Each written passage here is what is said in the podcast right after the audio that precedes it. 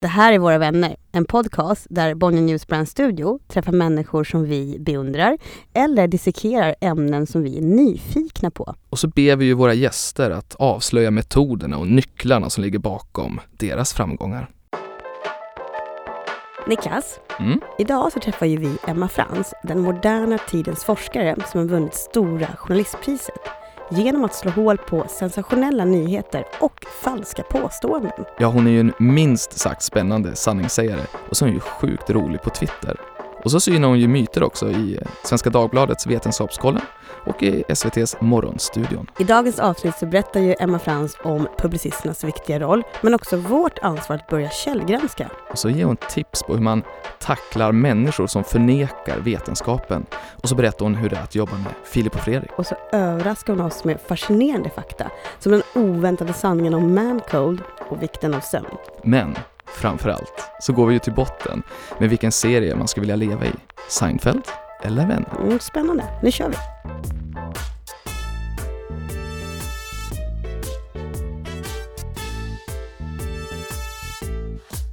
Emma Frans, välkommen! Tack snälla. Hur är läget?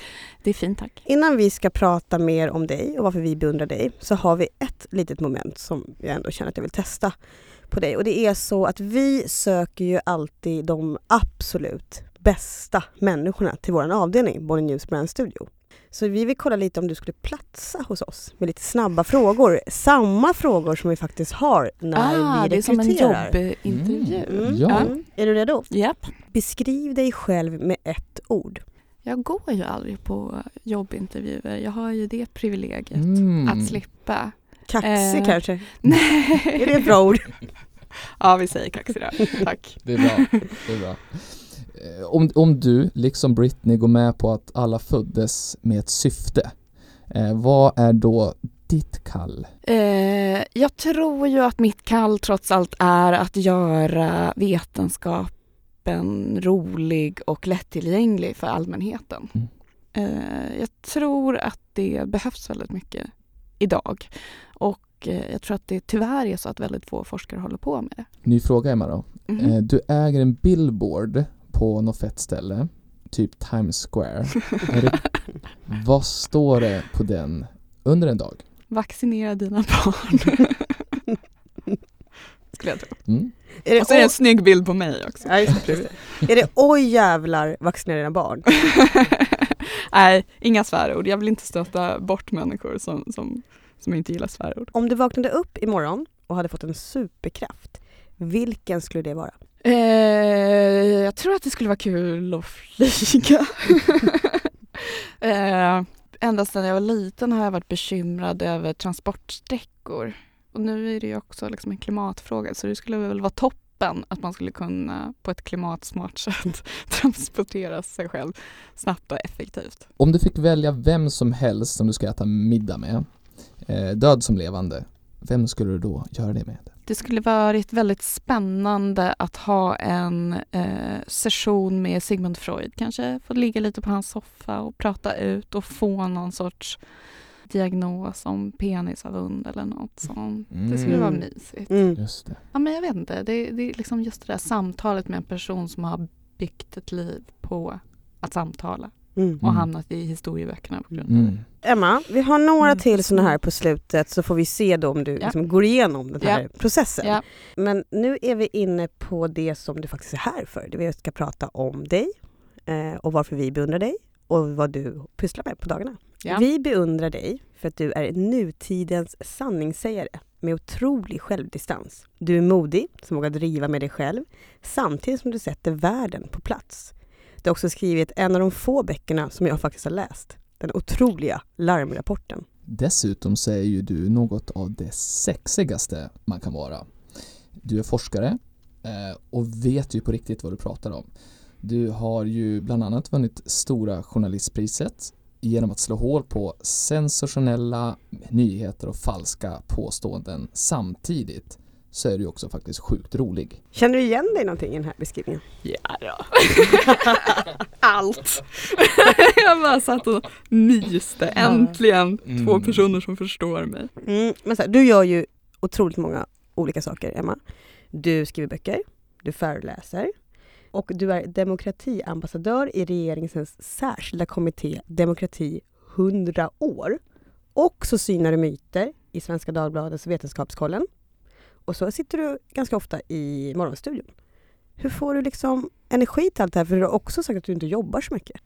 Jag, bara, jag, jag jobbar väl mycket men jag kanske inte jobbar riktigt så mycket som folk tror att jag jobbar. Eh, men jag tror ju att, alltså dels så handlar det om att det jag gör är ju väldigt kul eh, och det känns också viktigt så det är ju givande på det sättet. Så det handlar inte bara om att göra av med energi utan man får ju energi också av att göra sådana här saker. Vad är roligast av det vi nyss nämnde? Jag tror att det roligaste är variationen. Som idag har jag bara suttit på mitt kontor på Karolinska institutet och eh, ja, men suttit liksom stilla i, i, och, och mejlat och gjort sådana saker. Och, eh, det var ju så mitt liv såg ut väldigt länge när jag höll på med forskning. Jag satt liksom väldigt mycket själv på ett kontor Mm och satt och programmerade och skrev artiklar och sådana saker. Eh, och det trivdes jag inte helt med. Eh, och jag kände ju också att, att det var problematiskt att vi satt där och tog, tog fram en massa kunskap men den kom aldrig människor till, till godo och eh, vi kommunicerade ju aldrig om det Mm. som Mm. vi höll på med. Mm. Jag tänker lite grann på George Costanza här, går runt och låtsas jobba. Var det den känslan att man lite låtsas jobba, att det inte händer på riktigt? Det är inte så att man låtsas jobbar men jag kan känna lite ibland att inom akademin så har man de här väldigt långsamma projekten som pågår under flera års tid. Mm. Och det finns någonting väldigt belönande i att skriva till exempel artiklar i en dagstidning för där sker det hela tiden en produktion och man kan se liksom nästan hur, hur det man gör ansamlas och växer upp till någonting. Eh, så att, så att jag tycker att den kombinationen är väldigt spännande. Att dels ha det här, jag skulle inte vilja lämna akademin helt, men att få göra det där det går ganska långsamt och man sitter ganska mycket själv under långa perioder. Men också då få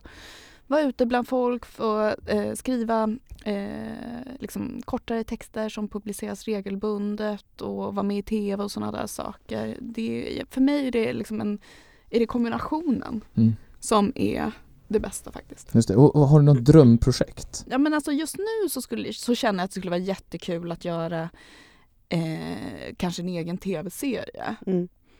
Så det är väl kanske i så fall någon av de grejerna som är kvar på listan, Mm. även om jag då har fått vara med i- liksom i tv. Men då kommer jag ju mer dit som gäst, så det är ju inte så att jag har liksom ett eget program eller så. Eh, men jag menar, det är ju, det är ju väldigt kul att, att vara med i, jag tycker det är väldigt kul med eh, livesändningar också. Mm. Det är det här liksom snabba tempot. Eh, det Just det. tycker jag är härligt och just också när man gör något, för jag kan också få väldigt mycket så här, ibland ångest av, av saker som jag gör. Så att live-grejer är så härliga, för så fort man har gjort dem då är de klara och så kan man göra nästa grej. Jag får liksom alltid ångest från att man till exempel spelar in någonting tills att det sänds. Mm. Så det här liksom snabba tempot tycker jag är Mm. Men, men är, du, är du nervös? Jag menar första gången när man är med i live-tv så är det klart att det är jätteläskigt. Mm. Men eh, jag har nog vant mig ganska mycket vid det. Har du någon metod för att bli av med nervositeten? Jag tror att det är egentligen det enda sättet är exponering. Eh, så att ju mer man gör det, Mm. desto Mm. mindre nervös blir man. Apropå live-tv, du jobbade ju med eh, Breaking News med Filip och Fredrik. Ultra live! Ultra live! Vad betyder det, ultralive? Nej men det jag menar med det, det är väl att det är liksom nu, nu det, så som vi gjorde senast i och med att Filip Hammar bor i LA så liksom veck, veckopendlar han i princip. Så då gjorde man två program per dag och liksom med, från liksom på morgonen börjar man med redaktionsmötet och sen så gör man liksom, pitchar man alla idéer och sen så spelar man in två avsnitt. Ett inspelat och ett kör, kör man live. Mm. Och så gör man så i två dagar. Eh, så att det är liksom superhögt tempo. Får man onda ögat då om man liksom fuckar upp i den där bandande? Det är ganska, det, det är ganska liksom, det är tuff stämning faktiskt. Eh, i, det, det har varit ganska tuff stämning i den redaktionen och, och nu har jag, liksom, jag har jobbat flera säsonger där eh, med dem. Eh, men det var ju svinläskigt i början. liksom, hur känd var du när du började att jobba där? med den Ja, redaktionen? men inte så känd. Jag hade ganska mycket följare i sociala medier så det var på det sättet de liksom hittade mig Mm. och fick det uppdraget. Men jag hade liksom inte det var ju liksom innan Stora Journalistpris. Det var något år innan jag släppte liksom första boken och Stora Journalistpriset och allt det där. Så att eh, eh, jag var väl inte alls känd då utanför Twitter. Så det var väldigt kul att få den chansen att testa på den grejen. Eh, och eh, som sagt var, det, det är liksom det är tuff stämning men jag tror att jag är ganska van vid det för att inom akademin är det också väldigt hård stämning. Eh, det är liksom, man, man, man blir ganska ofta förnedrad och utskälld. Det är så svårt att se det, det är så nördar som retas typ eller? Nej men det är väldigt, det är liksom hårt. Jag menar det man gör väldigt mycket, man kör presentationer, man presenterar någonting och så är det liksom de andra kollegornas uppgift att försöka slå hål på det man har gjort. Och det är Mm. lite så forskning funkar generellt, att man själv försöker hela tiden liksom motbevisa sig själv och slå hål på det man tror och liksom eh, testa om det kan finnas andra förklaringar till den här liksom, hypotesen som jag har formulerat. Så det är ganska hårt på det sättet Mm. men det gör ju också lite att man vänjer sig vid, vid liksom, eh, den typen av tongångar. Så att jag tror liksom, det, var, det är ju såklart det är svinläskigt att komma in i en redaktion där folk känner varandra sedan tidigare och man själv är ny och så ska man stå upp och pitcha idéer för liksom, de här liksom, coola eh, mediemänniskorna. Mm. Ja, jag har en fråga om själva pitchen idé. Jag måste bara sticka in en nu när vi så här emellan. Mm. Om ni, Niklas, du Mm. får också vara med här, Niklas och Emma, ni måste välja. Är ni Filip eller är ni Fredrik? Jag såg ganska länge ut, eller framförallt så, så, så lät jag som Filip Hammar. Ehm, så. Kul att du ville gå på utseende först. Ja, men jag kom på Folk att det brukar var... säga att jag är väldigt lik Beyoncé om du undrar. Ja, det är så. Nej men jag lät som det ett tag, så att, eh, jag, jag säger Filip då, men jag gillar Fredrik väldigt, eh, väldigt mycket. Alltså jag vet inte, jag tror jag, jag är väl Fredrik då för vi är liksom lite plugghästarna. Har de dig som idoler? Det tror jag verkligen inte. Eller jag vet, ja, men jag tror de gillar mig. Eh, så vi har, vi har liksom nu jobb, eller, jag var med i deras senaste satsning. Eh, jag höll på att säga Vem vet mest, men det heter Alla mot alla. Jag ber så mycket om ursäkt. För två år sedan så tilldelas ju du Stora Journalistpriset, Årets eh, röst. Vilka röster lyssnar du på? Jag läser mycket böcker. Eh, jag läser mycket populärpsykologi, mycket populärfilosofi. Och jag lyssnar på poddar. Eh, jag är förtjust, i- nu finns inte Lilla Drevet längre men eh, tycker det är väldigt intressant att lyssna på sådana som Liv Strömquist och Ola Söderholm.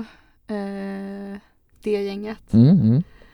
Har du någon Eh, person som har hängt med dig genom hela livet trots att de har falnat och inte alls är vad de är? Jag, jag pratade med, det, med en kompis om det nyligen, att, att eh, liksom alla som jag har tyckt varit roliga är liksom Nej, inte spritt språngande galna, men jag har varit ett, ett stort Dave Chappelle-fan till exempel. Eh, men, men jag tror liksom att de som är roliga på riktigt är också de som balanserar lite eh, på gränsen till att vara lite liksom smågalna. Just det. Mm. Gud, jag ska verkligen inte sitta här och försvara R. Kelly, men jag har också varit, och jag hejar väl inte på honom längre heller.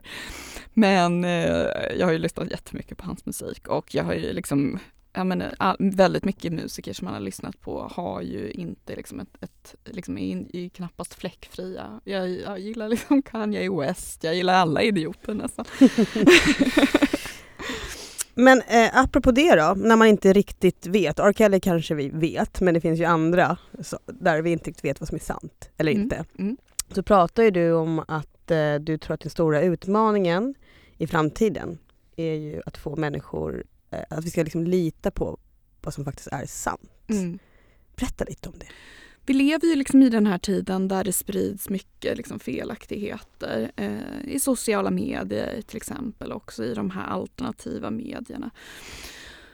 Så vi lever liksom i liksom den här nya digitala världen och vi kanske inte riktigt eh, har lärt oss hur vi bör förhålla oss till det här. När, liksom, när internet först kom så eh, förutspådde ju många att det här skulle resultera i en kunskapsrevolution och liksom att alla skulle bli mycket smartare, allt skulle bli så mycket bättre för vi skulle gå omkring med de här liksom, uppslagsverken Mm.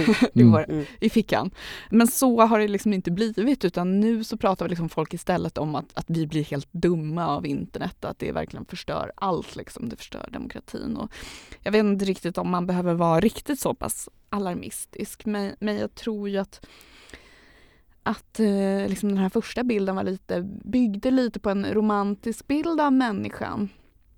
Det finns ju andra exempel i vår historia när det har kommit sådana här nya upptäckter som liksom elden och så har vi liksom fuckat upp det. Och det är först efter det som vi liksom uppfinner brandsläckaren och brandkåren. Och när Mm. bilen först kom så var det också liksom väldigt många som dog i trafiken och sen så kom liksom trafikreglerna, det kom liksom hastighetsbegränsningar och airbags och säkerhetsbälten och så vidare. Och så helt plötsligt så kan man på något sätt utnyttja de positiva delarna av den här liksom nya innovationen Mm. och minska risken för de negativa. Och det är så jag tänker också att man kanske måste göra i den här nya digitala världen. Att vi liksom måste på olika sätt minimera de negativa as- aspekterna. Mm. Jag tror att vi kommer liksom lita mer på någon typ av röstassistent som säger liksom fake or no fake än en människa. Det beror lite på. Eh, jag tror att vi har den här tendensen att eh, tro på människor som vi liksom beundrar och som vi anser har hög status. Och ibland så tror jag att man kanske fastnar i att det här handlar bara om liksom olika typer av eh, sanningar och lögner och faktauppgifter och så vidare. Men jag tror att mycket av det här handlar om liksom vilka människor i samhället som har, har förtroende för. Men jag tror ju att vi på olika sätt kommer vara tvungna att liksom kanske utveckla sådana här metoder där man faktiskt kan eh, med hjälp av artificiell intelligens ta reda på vad som verkar vara sant och vad som verkar, verkar vara falskt. If- Ifall du fick chansen att eh, bli chefredaktör för en av de stora svenska eh, tidningarna. Eh, jag vet inte om du någonsin har tänkt tanken, men vad, finns det någonting som du vet att du skulle göra, liksom förändra? Skulle, eh, finns det någonting som du tycker att tidningarna borde göra bättre? Ja, alltså jag tror ju att ett misstag som man gjorde eh, först när liksom sociala medier kom, det var ju att man kanske började konkurrera med sociala medier på deras villkor. Och jag tror att det man eh, istället kanske borde ha gjort var liksom kanske fokusera mer på liksom, journalistiken och liksom den journalistiska metoden mer. Att, eh, och på, på så sätt också särskilja vad som är riktig journalistik och vad som är något som vem som helst kan publicera på Just nätet. det, någon sån Mm. K-märkning. så. Ja men lite så Mm. och också att man inte bara liksom eh, kanske berättar för läsarna vad man har hört eller vad, Mm. vad, vad liksom rapporterar utan också liksom, så här samlade vi in den här informationen, så här gjorde vi liksom nyhetsvärderingen. För det tänker jag mycket på själv när jag skriver, att inte bara skriva liksom för jag gör ju liksom den här vetenskapskollen där jag försöker granska olika påståenden och ta ställning till om det finns vetenskapliga belägg för eller emot dem. Och då säger jag inte bara liksom det här är sant eller det här är falskt utan jag försöker liksom förklara hur kan man ta reda på om någonting är sant? Alltså beskriva liksom metoden bakom Mm. Mm. studierna bakom det här. Uh, och, och det tror jag, det, skulle jag själv vilja se mer, liksom, att det är, så här jobbar vi enligt den här liksom, mallen. För att många misstänkliggör journalister också, tror att de har liksom, en dold agenda och så vidare. Men är man liksom mer transparent och också tydlig med liksom, tillvägagångssättet, då tror jag att man liksom dels eh, lyfter liksom det journalistiska arbetet men också liksom får den här transparensen som ökar människors förtroende. Men när man när det kommer till då ehm, folkbildning, eh, vissa påståenden som att jorden är platt, de påståenden de existerar ju, existerar ju fortfarande idag. Mm. Eh, trots att man kan ju säga att liksom, det finns ganska mycket bevis för att, det, att den inte är platt. Just det där med att jorden är platt är ju liksom väldigt absurt och svårt att liksom förstå liksom, Mm. i, i den tid som vi lever i idag. Ehm, men jag tror att det där också handlar väldigt mycket om identitet och tillhörighet och att man liksom lite sektliknande skapar gemenskap kring sådana här frågor och det blir väldigt mycket vi mot dem. Och det är ju, alltså vi tror ju hela tiden att det här handlar bara liksom om, om fakta. Att det är så man, man bestämmer sig för vad man ska tro på och vad man inte ska tro på. Men ofta handlar det ju om liksom identitet och tillhörighet. Eh, och jag menar det finns ju mycket liksom bisarra grejer som folk tror på. Religion, världsreligionerna, det är ju också liksom väldigt absurt egentligen och går inte helt i linje med vetenskapen. Hur hanterar man en sån människa ifall man bryr sig om den människan? Något som jag liksom ändå tycker det är liksom en, en rörelse som är rätt problematisk det är ju liksom de här vaccinationsmotståndarna.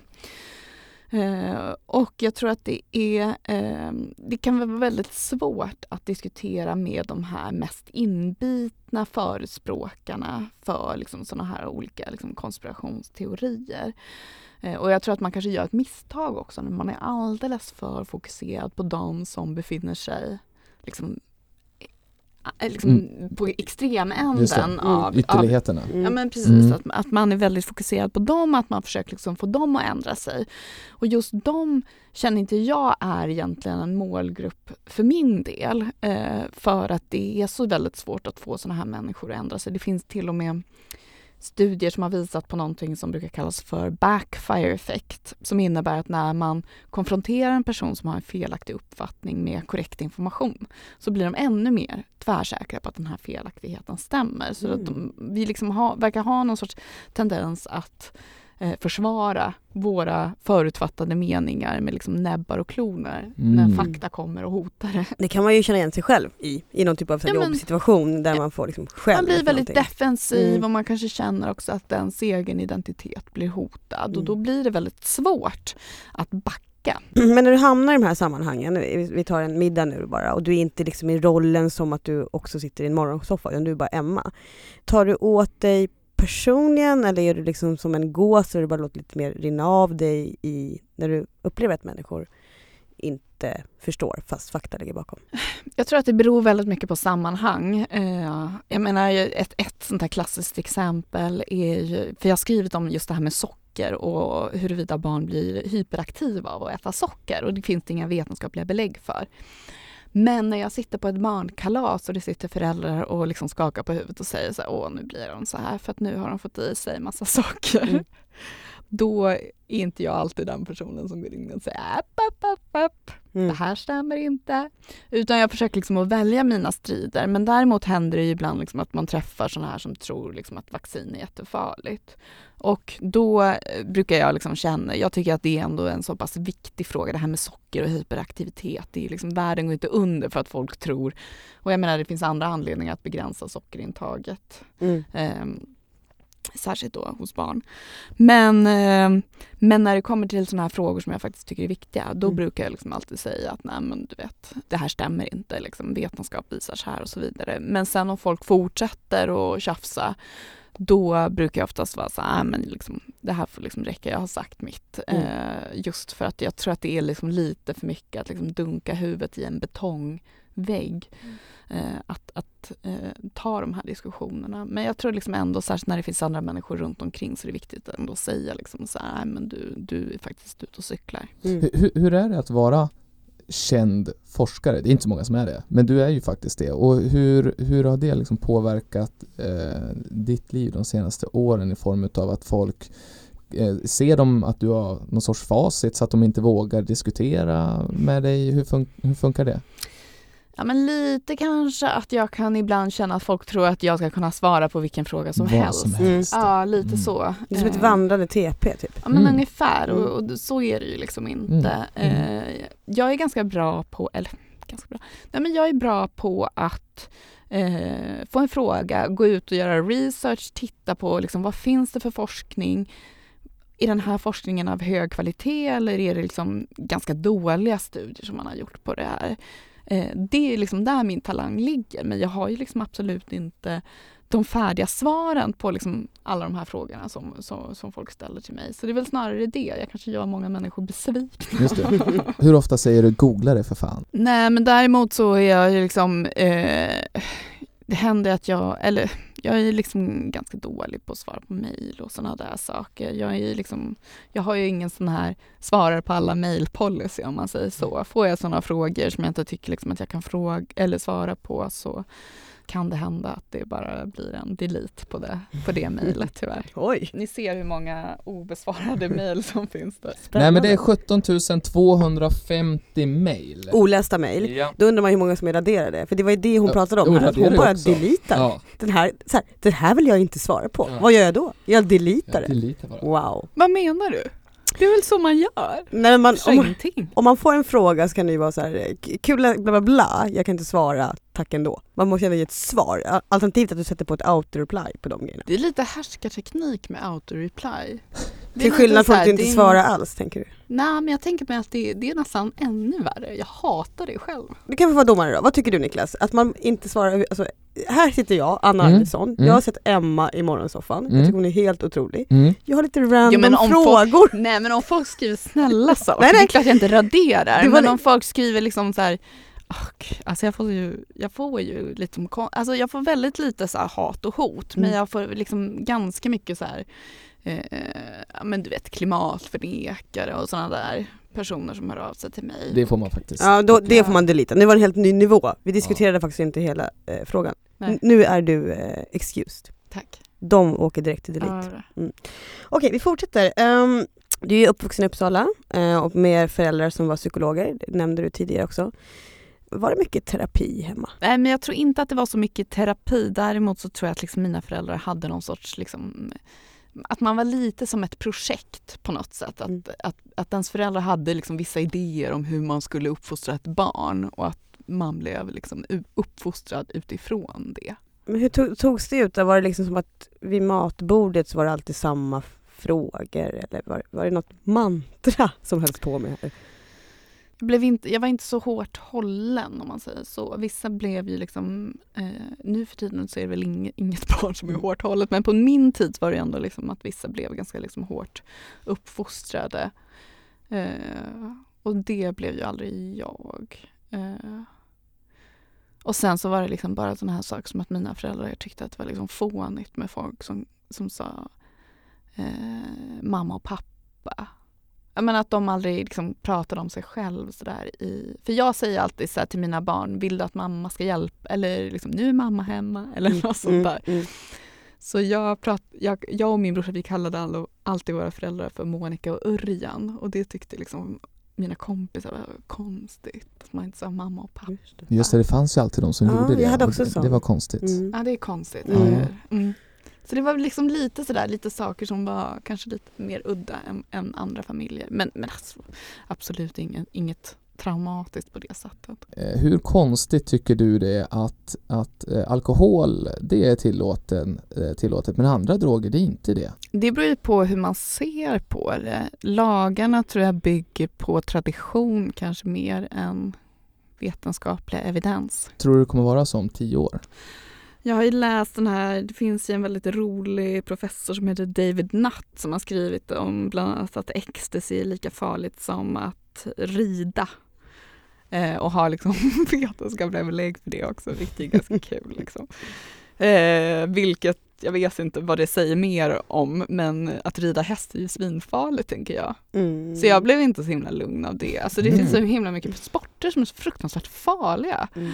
Eh, och där kan man ju också fråga liksom, hur kan det vara, hur kan liksom, hur kan, eh, vad fan heter det där? Eh, ja, Ja, fälttävlan. Fälttävlan, Mm. exakt. Sådana grejer. just det. Då såg, du. Mm. då såg du den vinkeln. Ja, precis. Ja, oj, oj, oj, nu känns ju ecstasy jättefarligt. Nej men jag vet inte liksom, det, det känns som, det är ju liksom inte vetenskapliga evidens som ligger till grund för varför man förbjuder vissa saker och varför man inte förbjuder dem Mm. egentligen. Eh, skulle, skulle det vara det då skulle det liksom man få, få liksom, ändra på allt nästan. Mm. Eh, sen så tycker jag att det är intressant, det pågår ju ganska mycket forskning kring till exempel så här, psilocybin, magiska svampar och sådana där saker i lågdos skulle kunna vara effektivt för depression till exempel och andra psykiatriska diagnoser. Jag tycker att det är eh, jag uppmuntrar verkligen som forskning. Sen så vet jag liksom inte om, om det behövs mer lagliga droger i Sverige. Ja men kanske då att använda för medicinska syften. Cannabis har jag förstått kan vara väldigt effektivt för att motverka illamående bland patienter som går på till exempel eh, cancerbehandling. Mm. Har du själv testat mikrodosering? Nej det har jag faktiskt inte. Av till exempel LSD? Eller jag är egentligen inte så himla intresserad av, av eh, droger. Jag har liksom inget emot det rent principiellt men för mig är liksom artificiell belöning inte värt särskilt mycket. Ja, det är intressant för jag, jag, hade en sån bild att det skulle kunna vara så att du är väldigt intresserad av att läsa om det. Det är så jävla mycket snubbar som är inne på det där också. Eh, jag tycker det där är mm. svinspännande och just också den här liksom optimeringskulturen eh, som jag personligen tar liksom lite avstånd för. Liksom ska jag mikrodosera LSD för att jag ska bli supereffektiv och superkreativ?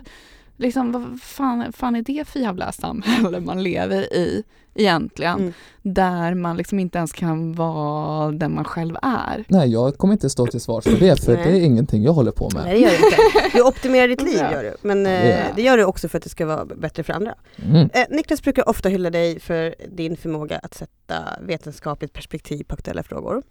Um, hur har du liksom kommit dit du är? Det handlar ju ändå i grund och botten om vilken liksom, utbildning jag har. Men sen också är jag ju väldigt intresserad av sånt som ligger kanske utanför liksom, just mitt forskningsområde eller den akademiska världen. Så att jag tror att jag har liksom, för jag har ju läst väldigt mycket statistik och eh, epidemiologi och studiedesign och undervisat i liksom vetenskaplig metod. Så jag har ju liksom det tänket i mig på grund av det. Liksom jag är ju liksom yrkesskadad. Och sen tar jag det tänket och liksom ser på världen med de glasögonen. Om, om du skulle ge liksom Niklas då Alltså vad han egentligen vill är ju få dina skills eller din talang skulle man kunna säga. Men om, man skulle ge, om du skulle ge tre saker som eh, han är blankt papper här nu, han vill mm. bara bli lika nyfiken som du, kan man säga då. ja. va, va, vad skulle det vara? Tre saker han borde göra från och med idag? Jag tror det är viktigt att lära sig om den vetenskapliga metoden. Kommer han ha så vit rock? Nej men inte nödvändigtvis. Nej. Eh, jag jobbar ju inte med vit rock. Eh, jag sätter bara på mig den när någon ska fotografera mig. Mm. för att ge den här liksom auran. Men då kanske Niklas kan ha den när du plåtas från och med nu, alltså har du en vit rock på dig. Det är, alltid, det är en start, mm. tycker jag. Mm. Nej men jag tror att det är statistik och vetenskapsmetod tror jag är liksom väldigt viktigt eh, för att förstå. Sen så tror jag att det är viktigt att eh, vara öppen för liksom, nya perspektiv. Jag tror att det är en fara som man annars gör väldigt lätt, att man bestämmer sig för vad man ska tycka mm. i olika frågor. Så jag tycker att man ska liksom se det eh, man ska bli lite glad varje gång man blir motbevisad. Känna på något sätt att man har kommit ett steg vidare. Eh, och uppskatta det. Man lite också måste tänka på eh, men lite, lite styra sin uppmärksamhet om man säger så. Eh, att vi lever, det är sånt jävla brus nu för tiden. Det är så mycket som pockar på uppmärksamheten hela tiden. Så att jag tror att det ibland kan vara viktigt att lite på något sätt eh, eh, låta hjärnan vila lite från, från liksom allt det här nyhetsbusset och sociala medier och internet och så vidare. Att, att, att, eh, jag tror att det ibland faktiskt kan vara nästan fördummande att hela tiden översköljas av liksom alla människors åsikter, all den här informationen hela tiden. Så liksom försöka eh, vara lite selektiv i vad man faktiskt läser. Eh, om en stund så ska jag åka upp till Timrå där jag kommer ifrån, där jag är uppvuxen och då ska jag få träffa eh, några elever som typ alla har så här 5,0 fast man har inte den typen av betygsskala längre. Mm, wow. eh, och, och, eh, och så ska jag få prata om vikten av eh, att kommunicera, att skriva och, och, och prata. Och, och, det här är ju någonting som du har gjort en hel karriär på ju. Har du något råd till de här personer som går i nian? Något som jag tror är viktigt och som jag har gjort det är att jag har eh, bett personer om hjälp. Eh, personer som jag själv tycker är väldigt duktiga skribenter har jag eh, frågat dem om de vill ge feedback på mina texter. Så jag tror att det här med att ha att få bra feedback tror jag faktiskt är jätteviktigt. Och det är också en utmaning i den här liksom, tiden som vi lever i där man får så himla mycket eh, ja, men det finns hat och hot och det finns kränkningar på nätet och så vidare. Den stora utmaningen är ju att kunna ta kritik och ta den positiva kritiken mm. och utvecklas ut efter den. För ingen är liksom bäst från början utan man behöver verkligen finslipa sina förmågor, till och med de här jättebegåvade mm. eleverna. Mm. Eh, så där tror jag liksom faktiskt att, att eh, det är jättebra. Och kunna det... lära sig hantera mm. bra kritik. Det finns ju också en risk ibland att, att, att, att eh, man bara umgås med människor som smeker en medhårs. Och det tror jag är liksom också en jättestor fara. Att faktiskt hitta personer som kan ge kritik men på ett schysst och bra sätt. Mm. I eh, Svenska Dagbladets Vetenskapskollen så ger ju du liksom vetenskapliga perspektiv i aktuella frågor och granskar olika påståenden och snackisar. Otroligt eh, bra och underhållande. Och den sak som du kanske blivit mest hyllad för är ju att du eh, säger att det finns belägg för att män har liksom en värre förkylning än kvinnor. Just det. Stämmer det? Stämmer det? Ja, alltså det verkar ju finnas eh, belägg för att män då som blir förkylda har en högre risk att till exempel hamna på sjukhus och till och med dö. Kanske inte av förkylning men influensor så att de får liksom värre bieffekter. Eh, men är det för att de är svagare? Eller? Man brukar ju säga att kvinnor är det svaga könet men när det kommer till just sådana här saker och faktiskt andra diagnoser också, man kan se det redan eh, när pojkar föds så är de faktiskt känsligare för olika typer av sjukdomar och har oftare vissa typer av medfödda problem.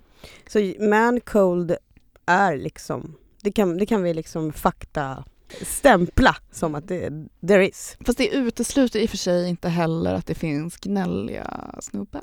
Nej det gör det inte. Nej. De kan bara få så gnälla det, lite extra mycket. Det är inte så att vi har motbevisat att det finns män som överdriver sina förkylningar. Det har vi faktiskt inte gjort. Den här då. Vi blir lyckliga av att ge. Är det sant? Det är sant och det är så himla fint. Mm. Det är ju liksom sånt här prosocialt beteende som man tror att evolutionen har främjat också. Att vi faktiskt mår bättre till och med när vi ger än när vi får.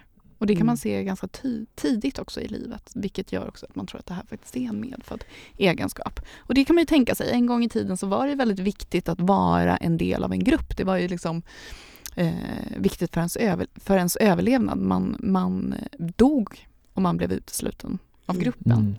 Så därför tror man ju liksom att, att, vi har, att evolutionen har främjat sådana här egenskaper som, som gör att vi svettas samman som grupp. Mm, känner, känner igen känslan när man liksom tjänade så pass mycket pengar att man kunde köpa en dyr present till sina föräldrar. Jag aldrig köpt. Nej, Nej, jag minns det i alla fall. Vi, var, jag var ju väldigt ja. lycklig att jag äntligen Gud, kunde ge liksom en, en um, det var en systemkamera faktiskt som Gud, jag gav bort. Var ju, för mig var det ju svindyrt. Men, men jag har köpt dyra saker till mina föräldrar. Men vi ger inte varandra jul... Vi ger bara barn i familjen julklappar. Men det som är viktigt som man glömmer i den här meningen men som gör ju hela skillnaden det är ju att ifall man ger utan att förvänta sig någonting tillbaka. Just det. det är ju det som är nyckeln för ge och förvänta sig någonting tillbaka.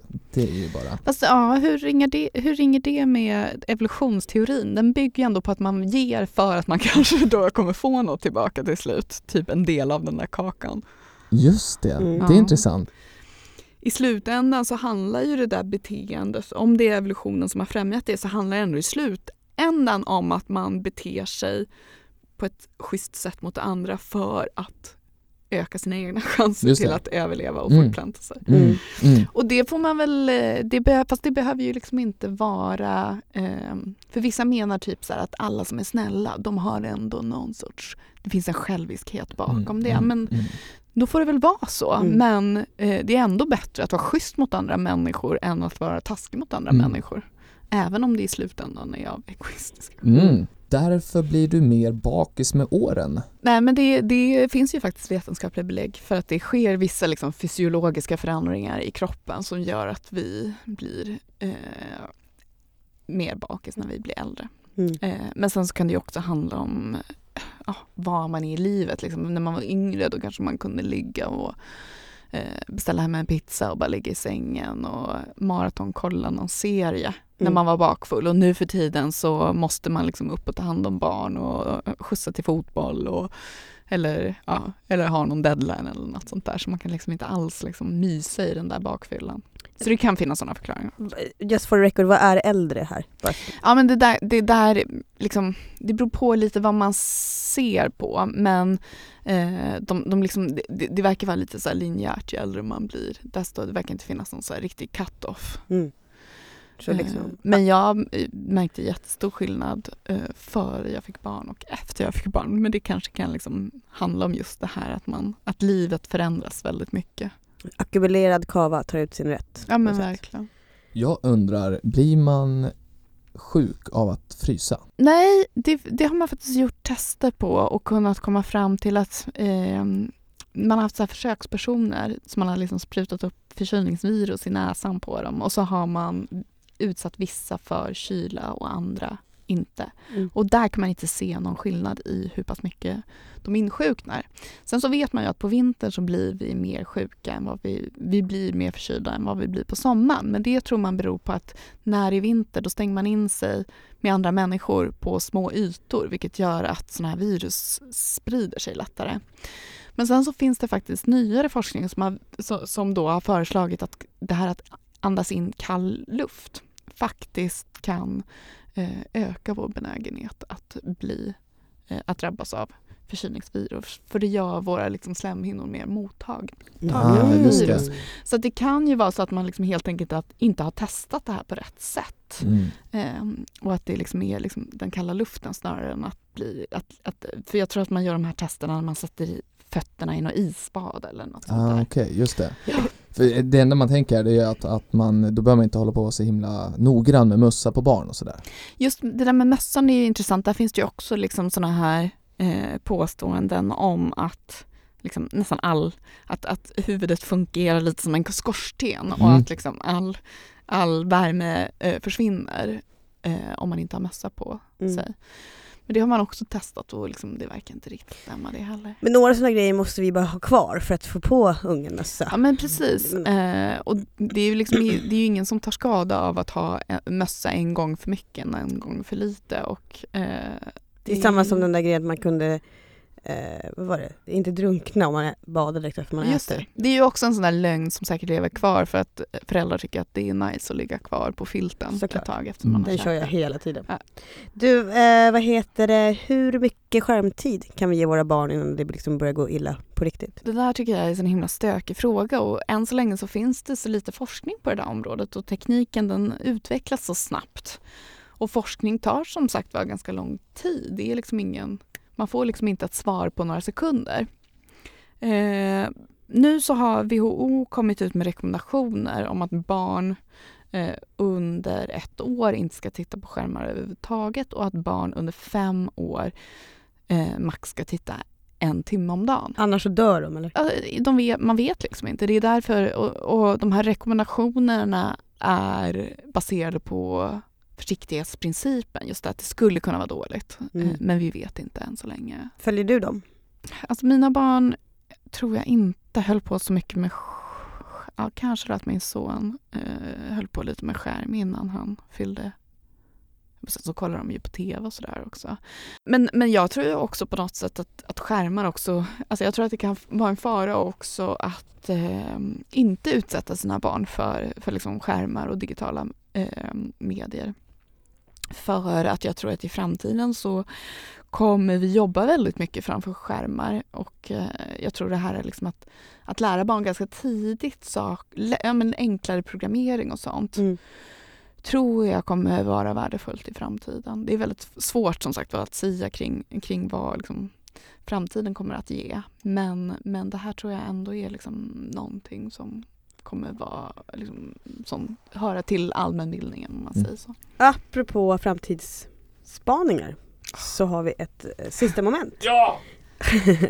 Där vi, eh, ja men det är tre frågor och, och då kommer ju vi liksom slå ihop sen hur vi tycker att du klarar dig på de första rekryteringsfrågorna och de sista och se här om du Har utvecklats under podden. Dels om du har Ja. utvecklats men om du har fått en anställning som du har tjatat om så himla länge på Bonnier Studio. Mm.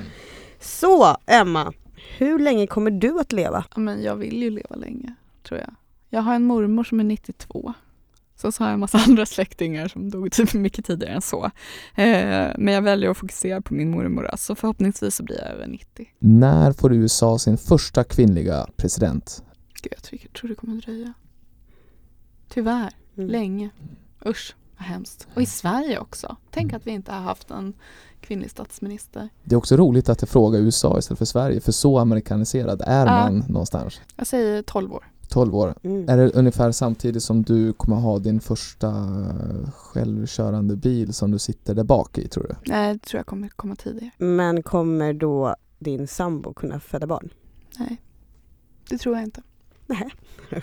Eller någon gång kanske i framtiden, men inte inom 12 år, absolut. Kommer du någonsin att sluta äta mat? Aldrig. Jag tror också att det är svårt att ersätta mat helt med, liksom, just med kosttillskott och sånt där. Jag menar, eh, jag tror inte så mycket på kosttillskott.